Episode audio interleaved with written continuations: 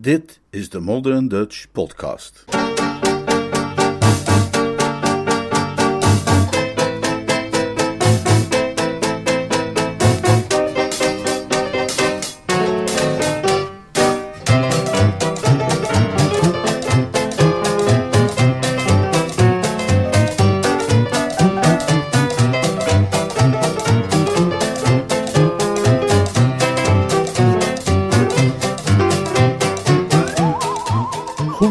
Bezig, Jeeves. Door P.G. Woodhouse. De glanzend nieuwe Nederlandse versie van de roman Right Ho, Jeeves. Vertaald en voorgelezen door Leonard Beuger.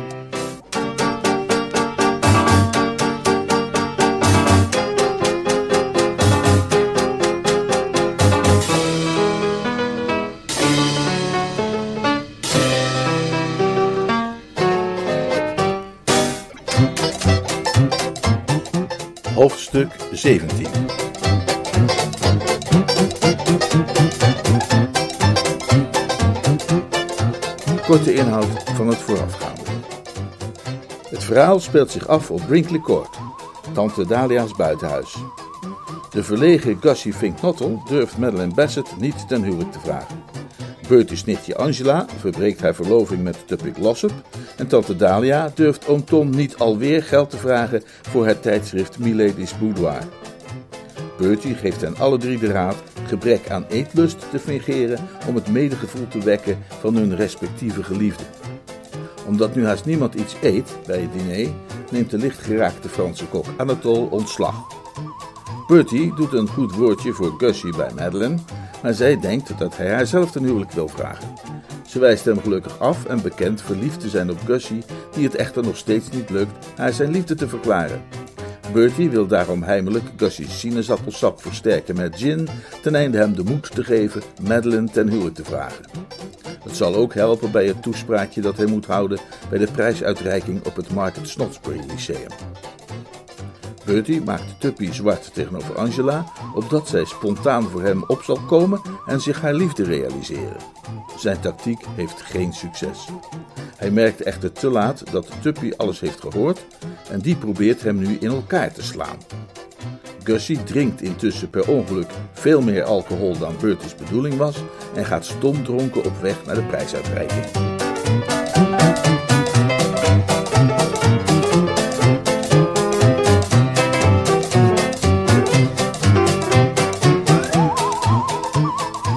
En toch, Jeeves, zei ik, terwijl ik filosofisch aan het stuurwiel draaide, heeft alles ook zijn zonnige kant. Een minuut of twintig waren inmiddels voorbij gegaan. Ik had de brave borst opgepikt aan de voordeur en navigeerde de two-seater in de richting van het pittoreske stadje Market Snodsbury. Sinds wij uit elkaar waren gegaan, hij naar zijn onderkomen om zijn hoed te halen en ik op mijn kamer om mij op te doffen, had ik wat serieus denkwerk verricht. Het resultaat daarvan legde ik hem nu voor. Hoe somber de vooruitzichten ook mogen zijn, Jeeves, hoe dreigend ook de onweerswolken zich mogen samenpakken, daarachter schijnt toch altijd de zon. Het is ongetwijfeld niet zo best dat Gussie over een minuut of tien die prijzen gaat uitreiken in een verregaande staat van dronkenschap, maar wij mogen nooit uit het oog verliezen dat alles zijn voor en zijn tegen heeft. En daarmee wilt u zeggen, meneer? Je raadt het. Ik denk ook aan hem in zijn capaciteit van minnaar. Hij moet door deze hele geschiedenis in zeldzaam goede conditie zijn als het erom gaat haar hand te vragen. Het zou me grotelijks verbazen als dit hem niet tijdelijk verandert in een soort uh, holbewoner. Heb je wel eens een film gezien met James Cagney? Ja, meneer. Iets in die geest? Ik hoorde hem kuchen en wierp hem een zijdelingse blik toe. Hij zag er opvallend mededeelzaam uit. Dus u heeft het nog niet gehoord, meneer? Hè? U bent er nog niet van op de hoogte dat het voorgenomen huwelijk tussen Mr. Finknottel en Miss Bassett binnen afzienbare tijd zal worden voltrokken? Wat? Ja, meneer. Wanneer is dat geregeld? Direct nadat Mr. Finknottel uw kamer had verlaten, meneer. Ah, ah in de kik van het jus d'orange moment. Precies, meneer. Maar ben je ook zeker van de feiten? Hoe heb je het gehoord? Mijn informant was Mr. Finknottel zelf, meneer. Hij leek zeer begeerig het goede nieuws met mij te delen. Zijn weergave van het gebeuren was enigszins onsamenhangend, maar over de kern van de zaak kon geen twijfel zijn. Hij liet de eigenlijke mededeling voorafgaan door de constatering van wat een schitterende wereld dit is, lachte vervolgens hartelijk en zei dat hij nu officieel was verloofd. Geen details dus? Nee, meneer. Maar men kan zich die scène wel voorstellen. Ja, meneer. Ik bedoel, niet iets waarvoor de menselijke verbeelding terugdeinst. Nee, meneer. Deed hij ook niet. Ik kon mij precies voorstellen wat er moest zijn gebeurd. Voorzie de normale bleke geheel onthouden van een royale dosis gemengde alcoholica en hij verandert in een krachtfiguur. Iemand die niet afwacht, stottert en met zijn vingers friemelt, maar iemand die handelt, die optreedt, die iets doet.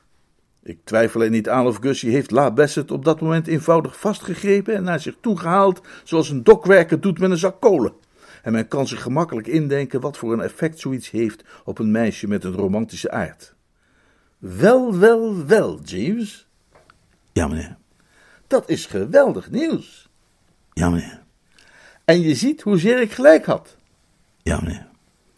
Het moet een echte openbaring voor jou zijn geweest om te zien hoe ik zo'n zaak aanpak. Ja, meneer. De simpele recht-toe-recht-aan methode kan eenvoudig niet fout gaan. Nee, meneer. In tegenstelling tot de ingewikkelde, veel te bedachte methode. Ja, meneer. Maar het is goed, Jeeves. Het is maar dat je het weet. We waren bij de hoofdingang van het lyceum van Market Snodsbury aangekomen. Ik parkeerde de wagen en liep naar binnen, heel tevreden. Het was waar, de Tuppy Angela kwestie was nog altijd niet opgelost en tante Dalia's 500 pop was nog bij lange na niet in beeld, maar het gaf voldoening om te weten dat de problemen van onze brave Gussie tenminste achter ons lagen. Het lyceum van Market Snodsbury was, naar ik begrepen had, gebouwd ergens rond het jaar 1416. En als bij zoveel van die antieke gebouwen, leek er in de grote zaal, waar de festiviteiten van die middag zouden plaatsgrijpen, een beetje een muffe lucht van eeuwen her te hangen. Het was de warmste dag van de hele zomer, en hoewel iemand hier en daar een voorzichtig raampje had opengezet, bleef de atmosfeer daarbinnen wat karakteristiek en markant. In deze zaal had de jeugd van Market Snodsbury zo'n 500 jaar lang zijn dagelijkse lunch genuttigd en het aroma daarvan liet zich niet meer verdrijven. De lucht was er een beetje lusteloos en zwaar, als u begrijpt wat ik bedoel, met de geur van jong Engeland, stoofvlees en wortelen. Tante Dalia zat met een clubje lokale notabelen op de tweede rij. Ze zag me binnenkomen en gebaarde dat ik bij haar moest komen zitten, maar zo dom was ik niet. Ik wrong mezelf tussen het volk dat achterin stond en ik kwam tegen iemand aangedrukt te staan die naar het boeket te oordelen een graanhandelaar was of iets in die sfeer. De quintessens van de tactiek bij dit soort gelegenheden is om zo dicht mogelijk bij de deur te blijven. De zaal was vrolijk versierd met vlaggetjes en papieren slingers, en verder werd het oog getrakteerd op de aanblik van een gemengde menigte bestaande uit jongens, ouders en nog zo wat, waarvan de eersten voornamelijk met blozende gezichten en van die stijve omgeslagen Eton-boordjes, en de anderen veelal in zwart satijn indien vrouwelijk, en met te strakke jasjes aan indien mannelijk.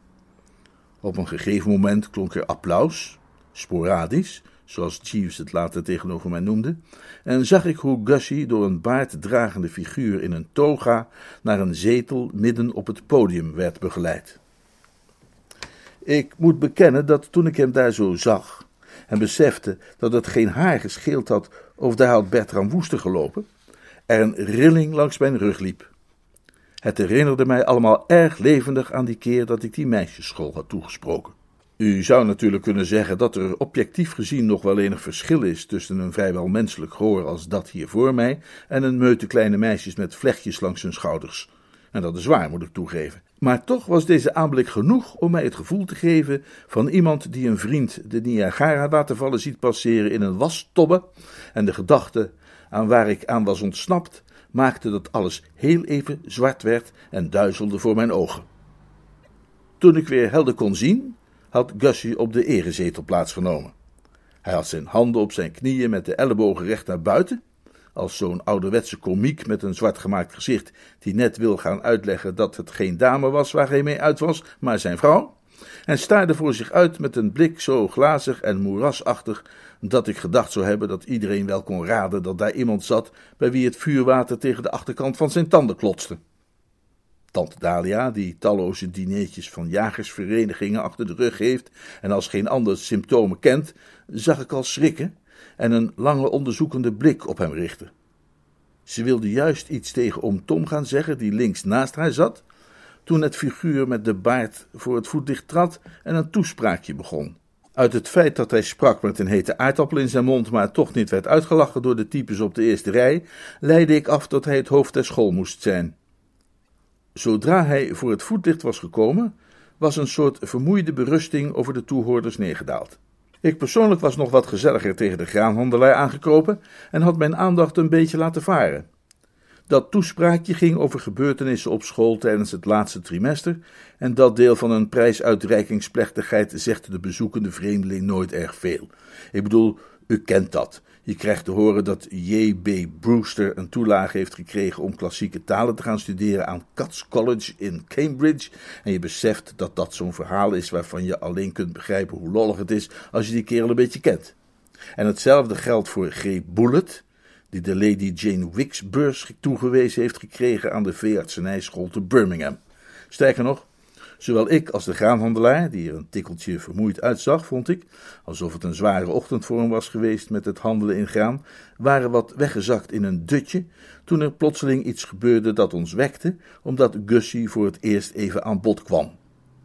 Vandaag, zei de figuur met de baard, zijn wij zo gelukkig als speciale gast te mogen verwelkomen de heer Fitzwattle. Aan het begin van zijn toespraak was Gussie verzonken in een soort dagdroom, waarbij zijn mond wijd open hing. Ongeveer halverwege was hij wat vage tekenen van leven gaan vertonen, en de laatste paar minuten was hij druk bezig geweest te proberen zijn ene been over het andere te slaan, zonder succes. Maar nu vertoonde hij pas echt enige begeestering. Hij ging met een schok recht overeind zitten. Fink Noffel, zei hij en opende zijn ogen. Fats Nottel, Fink Nottel. Fink Nottel, moet ik zeggen. Ja, natuurlijk moet je dat zeggen, Fuffy, zei Gussie goedmoedig. Maar goed, ha verder. Hij sloot zijn ogen weer en begon opnieuw te proberen zijn ene been over het andere te slaan. Ik kon zien dat dit kleine moment van frictie de baardige figuur niet lekker zat. Hij bleef even met een twijfelend gebaar door de begroeiing woelen. Maar die schoolhoofden zijn uit degelijk materiaal opgetrokken en dat ogenblik van zwakte was snel voorbij. Hij pakte de draad heel netjes op en ging gewoon verder. Wij zijn zo gelukkig, zei ik dus, om vanmiddag Mr. Fink Nottel te mogen verwelkomen, die zich allervriendelijkst bereid heeft getoond om dit jaar de prijzen uit te reiken.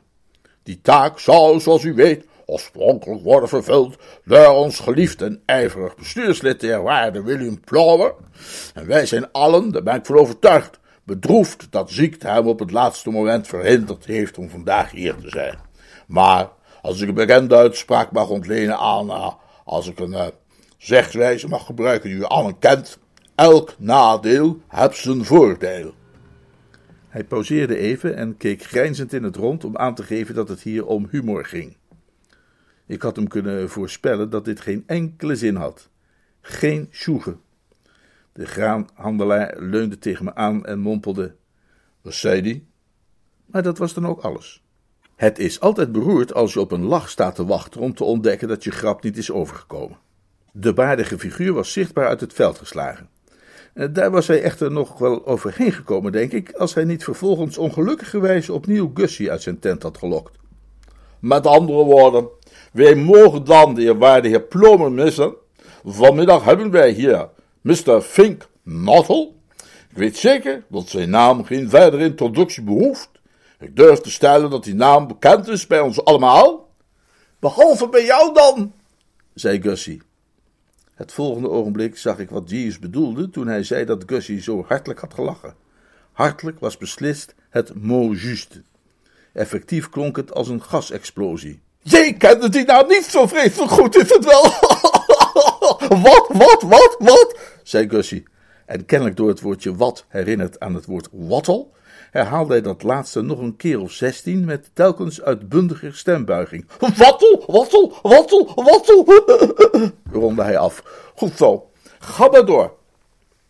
Maar de figuur met de baard had zijn kruid verschoten. Hij was nu echt onthutst, en toen ik hem goed bekeek, zag hij dat hij in tweestrijd stond. Wat er in hem omging was mij zo helder alsof hij het persoonlijk in mijn oor gefluisterd had. Hij wilde wel zijn mond houden en gaan zitten, bedoel ik, maar wat hem dwars zat, was dat als hij dat deed, hij ofwel Gussie op de menige moest loslaten, ofwel diens hele toespraak maar overslaan en meteen overgaan op het feitelijke uitdelen van de prijzen. Het was bliksems lastig natuurlijk om zoiets staande de vergadering te besluiten. Onlangs las ik in de krant iets over die types die bezig zijn met te proberen het atoom te splitsen, waarbij het punt is dat ze geen flauw idee hebben wat er kan gebeuren als ze dat doen. Het zou goed kunnen aflopen, maar anderzijds zou het misschien ook niet goed kunnen aflopen. En een mens zou natuurlijk wel onnozel staan te kijken als hij na het atoom te hebben gesplitst plotseling het huis in rook ziet opgaan en zichzelf in kleine stukjes uiteen ziet vliegen. Voor een dergelijk dilemma stond nu de bebaarde figuur. Of hij op de hoogte was van de details in het geval Gussie, weet ik niet, maar het was hem inmiddels in elk geval wel duidelijk dat hij in een behoorlijk lastig parket was terechtgekomen. De voorrondes hadden laten zien dat Gussie zo zijn eigen manier had om dingen te doen. Die paar onderbrekingen waren genoeg geweest om de goede waarnemer te tonen dat in de erezetel bij het grote gebeuren van het seizoen dit jaar iemand zat die, indien naar voren geroepen om een toespraak te houden, wel eens op wat al te vrijzinnige en grensverleggende wijze tekeer zou kunnen gaan. Aan de andere kant, als je hem zou muilkorven of een flanellen lap over zijn hoofd gooien, wat dan? Dan zou de hele plechtigheid een half uur te vroeg zijn afgelopen. Het was, zoals ik zeg, een lastig probleem, en aan zichzelf overgelaten weet ik niet welke beslissing hij tenslotte genomen zou hebben. Persoonlijk denk ik dat hij op veilig gespeeld zou hebben.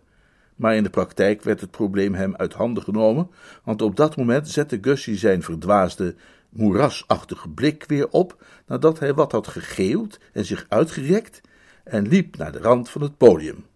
Toespraak, zei hij menzaam.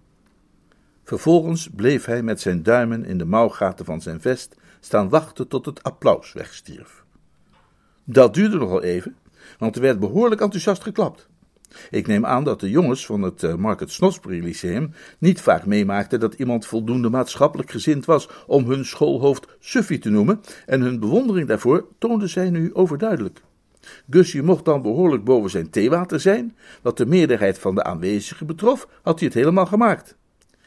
Jongens, zei Gussie. Ik bedoel dames en heren en jongens. Ik wil zeker niet te lang maken, maar ik voel me toch geroepen bij deze gelegenheid een paar heugelijke woorden te spreken. Dames en jongens en heren, de belangstelling hebben we allemaal geluisterd naar het woorden van onze vriend hier, die zich vanmorgen heeft vergeten te scheren. Zijn naam weet ik niet, ja, hij wist ook de mijne niet. Fitz Wottel. Dat vraag ik je. Volkomen absurd. Zodat we nu kiet staan dus.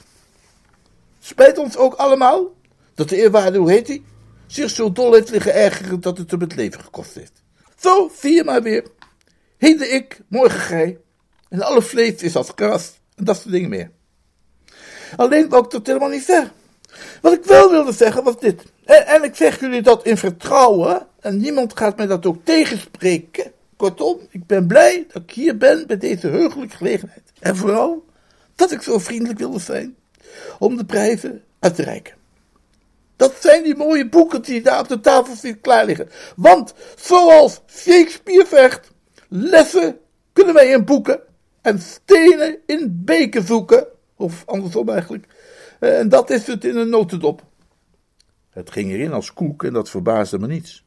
Ik kon sommige passages niet helemaal volgen, maar iedereen kon zien dat dit het betere werk was, en ik stond verbaasd dat zelfs na de behandeling die hij had ondergaan, een normaal gesproken zwijgzame mossel als Gussie zoiets eruit had kunnen krijgen.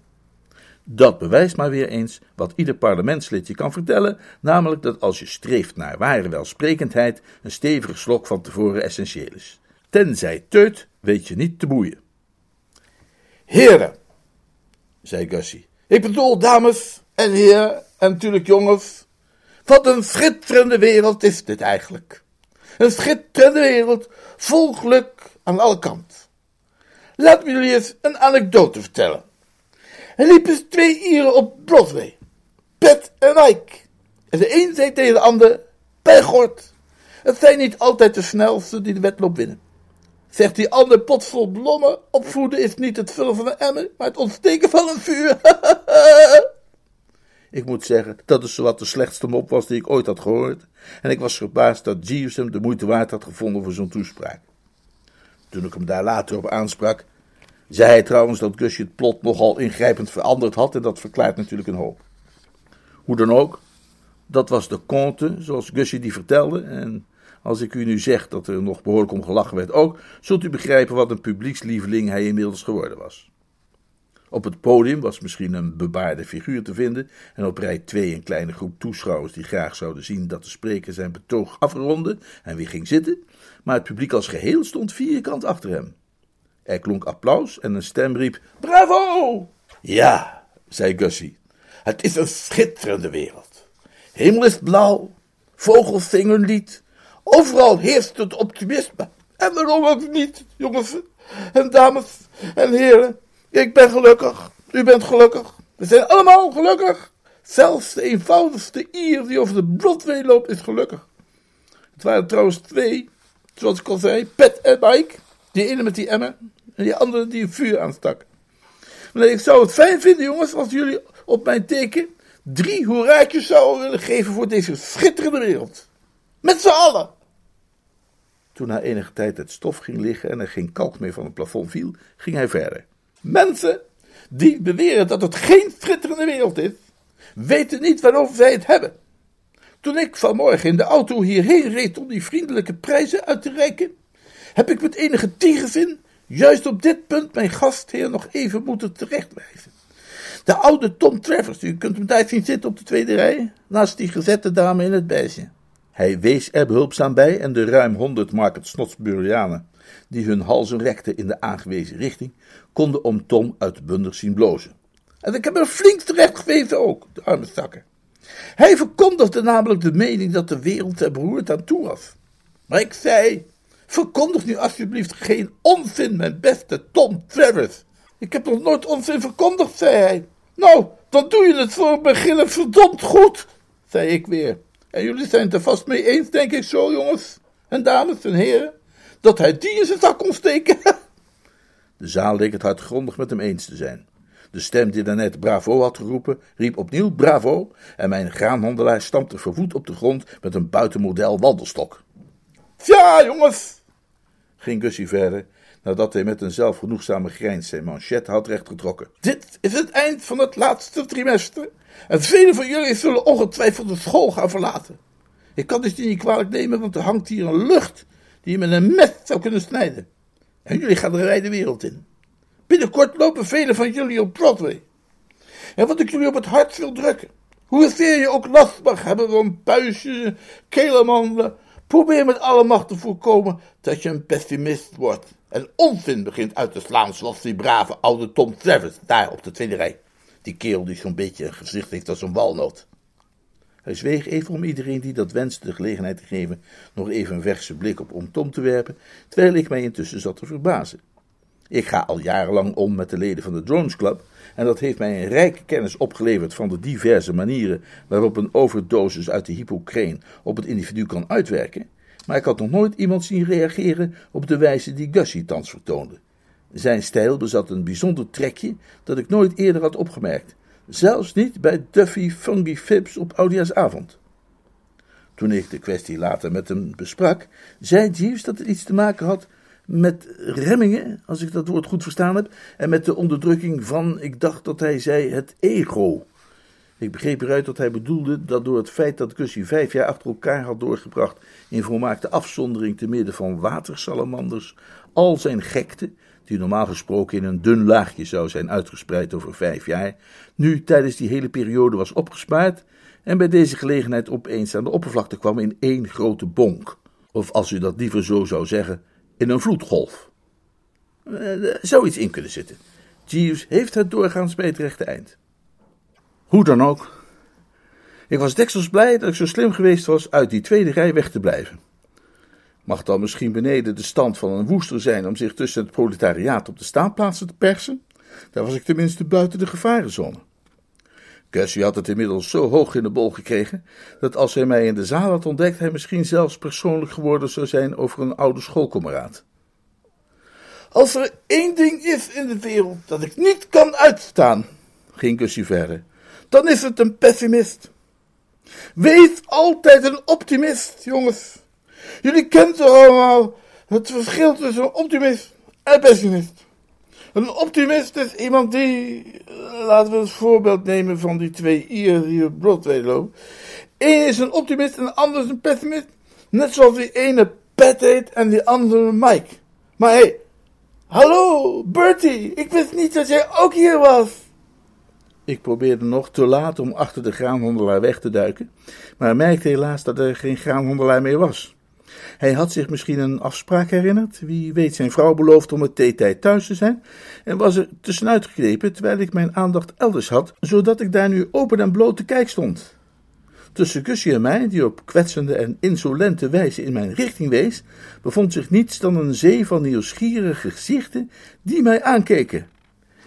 Kijk, bulderde Gussie al maar wijzende, daar heb je een goed voorbeeld van wat ik bedoel. Jongens en dames en heren, we kijken zorgvuldig tot geval dat daar achterin staat.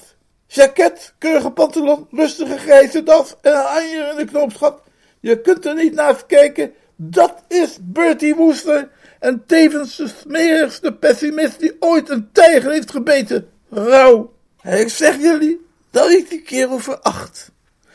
Moet ik niks van hebben. En waarom veracht ik die kerel? Omdat, jongens en dames en heren, omdat hij een pessimist is.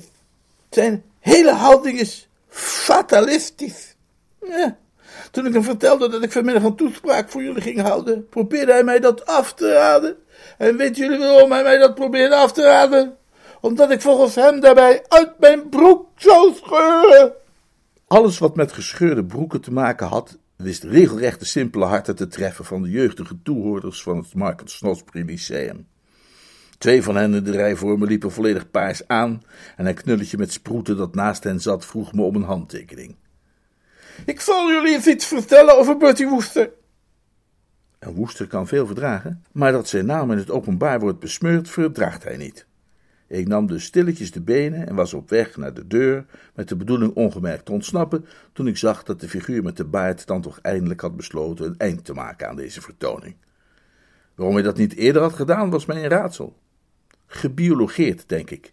En als iemand zo'n succes heeft bij het algemeen publiek als Gussie, is het natuurlijk ook niet zo eenvoudig om daartussen te komen. Maar het vooruitzicht om nog een van Gussie's anekdotes te moeten aanhoren leek hem dan toch over de streep te hebben getrokken. Hij stond op, zo'n beetje op de manier waarop ik overeind gekomen was van die bank aan het begin van die pijnlijke scène met Tuppy in de schemering, griste een boek van de tafel en stapte met grote passen op de spreker af. Hij tikte Gussie op de arm. Gussie draaide zich met een ruk om en zag een grote kerel met een baard voor zich staan, kennelijk van plan hem met een boek om de oren te slaan. Hij sprong achteruit en nam een bokshouding aan. Wij moeten een beetje op de tijd letten, Mr. Finknottel. Misschien is het beter om nu maar... Oh, oh, ah, zei Gussie, die gelukkig begreep waar hij heen wilde. Hij ontspande. De prijzen, hè? Ja, ja, natuurlijk, prima.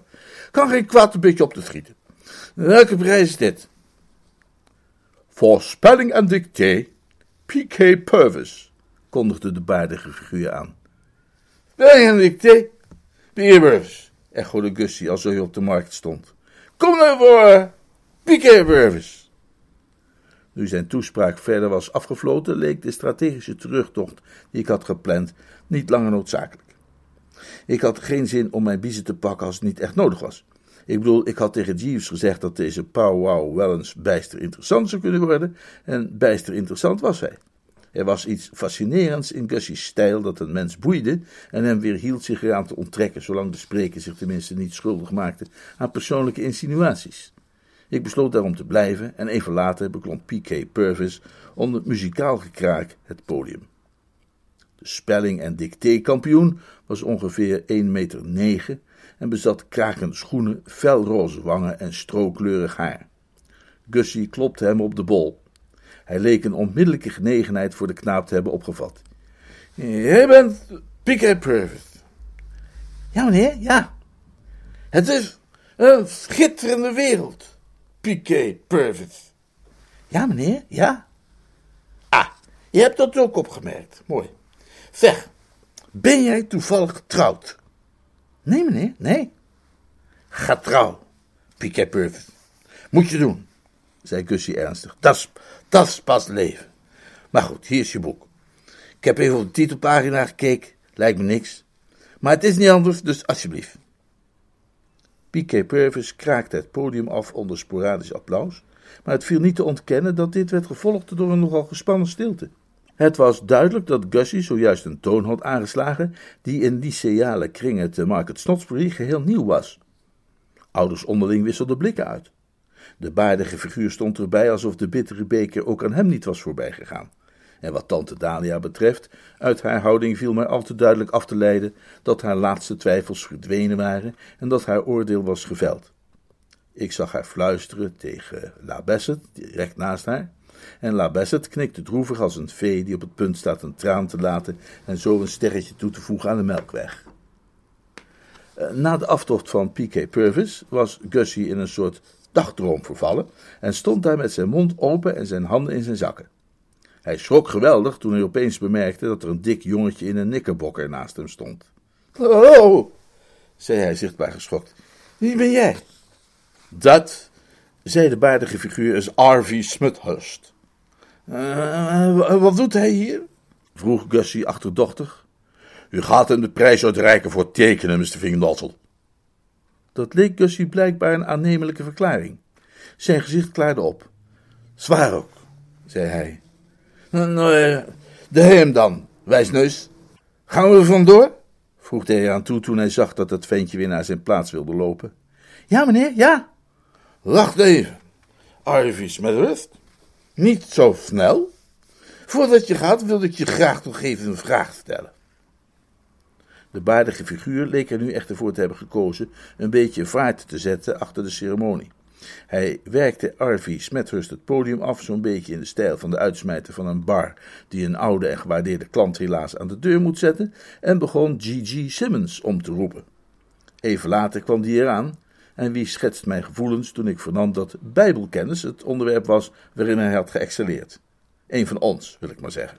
G.G. Simmons was een onaangenaam en brutaal ogende opgeschoten knaap, voornamelijk opgetrokken uit voortanden en brillenglazen, maar ik gaf hem een stevig applaus. Wij schriftgeleerden steunen elkaar waar dat maar mogelijk is. Gussie mocht hem niet, tot mijn spijt. In de blik waarmee hij naar G.G. Simmons keek, lag niets van de jovialiteit waarmee hij P.K. Purvis tegemoet was getreden, en in iets mindere mate ook R.V. Smethurst. Die blik was koud en afstandelijk. Zo? G.G. Simmons? Ja, meneer, ja. Hoe bedoel je, ja, meneer, ja? Iets heel raars om te zeggen, hè? Maar je hebt dus de prijs voor Bijbelkennis gewonnen? Ja, meneer, ja. Juist, zei Gussie. En zo te zien ben je ook precies een soort kleine klier om zoiets te winnen. maar, zei hij, en hij pauzeerde even om het joch zorgvuldig te bekijken. Hoe weten wij nu eigenlijk zeker dat zoiets helemaal open en eerlijk is gegaan? Even een klein test. G.G. Simmons? Wie was, hoe heet hij? Die kerel die dinges gewoon bij, zeg het eens. Kun jij me dat vertellen, Simmons? Nee, meneer, nee. Gussie wendde zich tot de figuur met de baard. Dat is dubieus, zei hij. Daar zit beslist een luchtje aan. Het is duidelijk dat deze jongen een totaal gebrek heeft aan bijbelkennis. De baardige figuur wreef met zijn hand langs zijn voorhoofd. Ik kan u verzekeren, Mr. Finkbottle, dat alle werk met de grootste zorgvuldigheid is nagezien en dat Simmons hier de andere kandidaten ver achter zich heeft gelaten. Ja, nou, het is dat u het zegt, zei Gussie op twijfelachtige toon. Wat?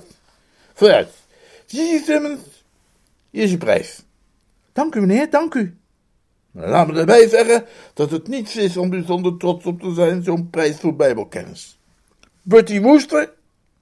Ik weet niet wanneer ik ooit een heftige schok gekregen heb. Ik was ervan uitgegaan dat nu ze een eind gemaakt hadden aan Gussie's toespraak, die schrifttanden, om zo te zeggen, wel getrokken waren. Wegduiken en mijn sluiptocht in de richting van de deur hervatten, was mijn onmiddellijke reactie. Bertie Woester, heeft ooit een prijs gewonnen voor bijbelkennis. Op de school waar als kinderop staat. En je weet wat voor iemand hij is. Nou ja, Bertie heeft natuurlijk zitten pieken. Ja, hij heeft die bijbelkennistrofee binnen weten te sjoemelen ten koste van betere koppen dan de zijne. Dankzij een paar van de brutaalste en grofste bedriegerijen die je ooit hebt gezien.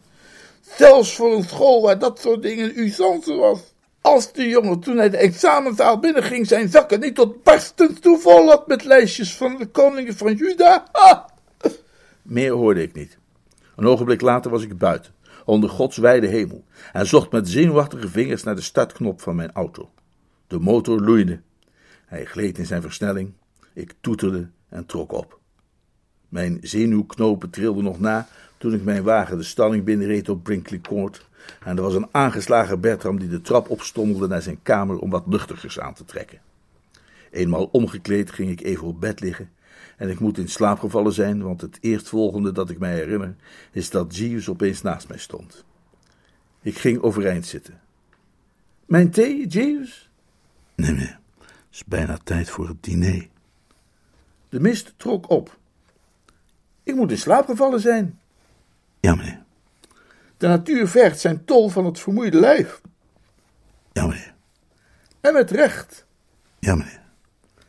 En nu is het al bijna tijd voor het diner, zeg je. Tja, ik ben niet bepaald in de stemming voor het diner, maar goed.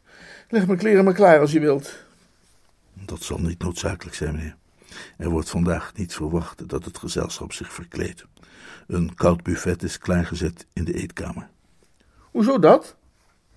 Is op verzoek van Mrs. Travers, die de werkzaamheden voor het personeel zoveel mogelijk heeft willen beperken. Daarvoor hen een dansavond is georganiseerd ten huize van Sir Percival Stretchley Budd. Ja, natuurlijk, nu weet ik het weer. Mijn nichtje Angela heeft me daarover verteld. Vanavond is de grote avond, niet? Ga jij ook, Jeeves? Nee, meneer. Ik ben niet bijzonder gesteld op dergelijke vermakelijkheden hier in de provincie, meneer. Ik weet wat je bedoelt. Die feestjes in de provincie zijn allemaal hetzelfde. Een piano, één viool en een dansvloer van schuurpapier. Gaat uh, Anatole wel? Angela suggereerde van niet. Miss Angela had gelijk, eh, meneer. Monsieur Anatole ligt in bed. Eigenwijze types, die Fransen. Ja, meneer. Het bleef even stil. Tja, Jeeves, zei ik. Dat was me het middagje wel, vond je niet? Ja, meneer. Ik kan me geen andere middag herinneren met zoveel commotie. En dan ben ik nog voortijdig weggegaan. Ja, meneer. Ik was getuige van uw vertrek. Het was me niet kwalijk te nemen dat ik mij terugtrok, vond je wel? Nee, meneer. Mr. Finknottel werd inderdaad beschamend persoonlijk. Ging hij daar na mijn vertrek nog lang mee door? Nee, meneer. De bijeenkomst werd al snel afgerond.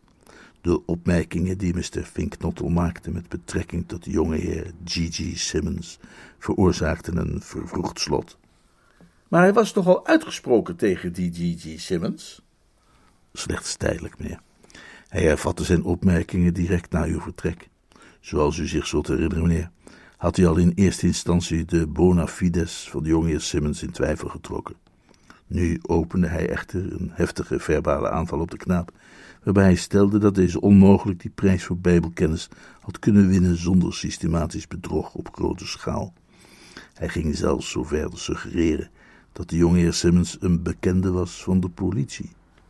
Allemachtig, Jeeves. Ja, meneer. Die woorden veroorzaakten een aanzienlijke opschudding. De reactie van de aanwezigen op die beschuldiging zou ik willen omschrijven als gemengd. Het jeugdige deel van het publiek leek er genoeg in te scheppen en applaudisseerde geestdriftig. Maar de moeder van de jonge heer Simmons stond op uit haar stoel en belaagde Mr. Finknottel met felle protesten. En was hij daar een beetje van onder de indruk? Draaide hij bij? Nee, meneer. Hij zei dat hij het nu pas helemaal begreep. Hij opperde dat er een zondige relatie zou bestaan tussen de moeder van de jonge heer Simmons en het hoofd der school, waarbij hij de laatste ervan beschuldigde met de cijfers te hebben geknoeid, ten einde, zoals hij het formuleerde, de gunsten te winnen van de dame. Dat meen je niet? Jawel, meneer.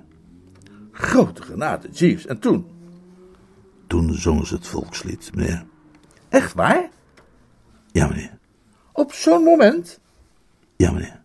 Tja, jij was erbij en je weet dus hoe het gegaan is, maar ik zou gedacht hebben dat het voor Gussie en die vrouw onder dergelijke omstandigheden wel het allerlaatste geweest zou zijn duetten te gaan zingen. Vrees dat u mij verkeerd hebt begrepen, meneer.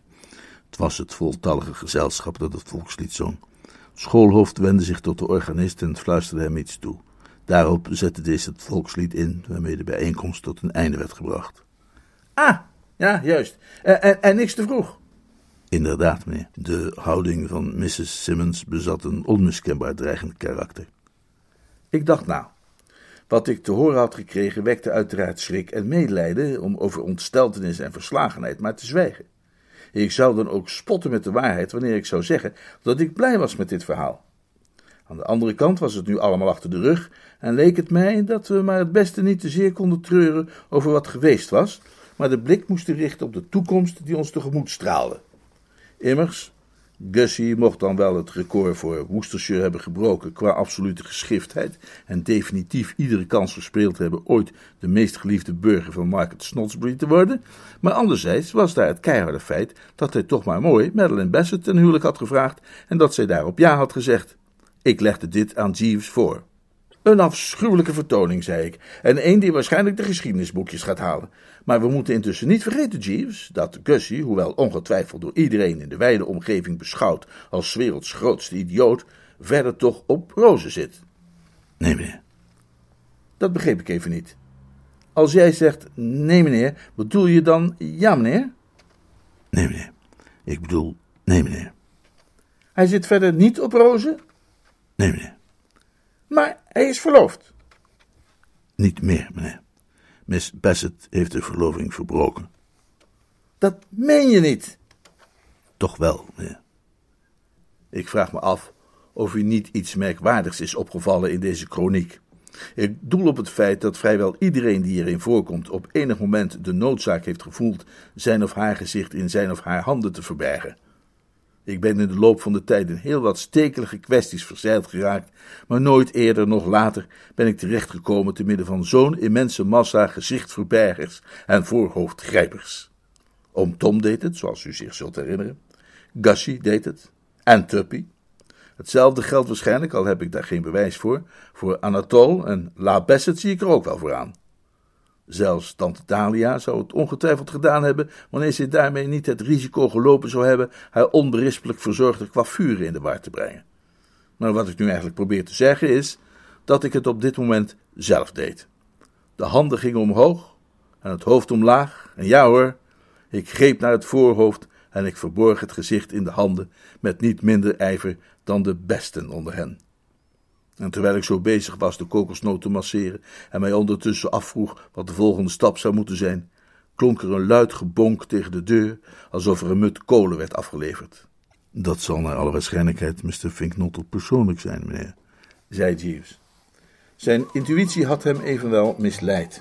Het was niet Gussie, maar Tappy. Hij kwam binnen en bleef astmatisch ademhalend voor mij staan. Het was duidelijk dat er iets was dat hem diep had geraakt. Thank you.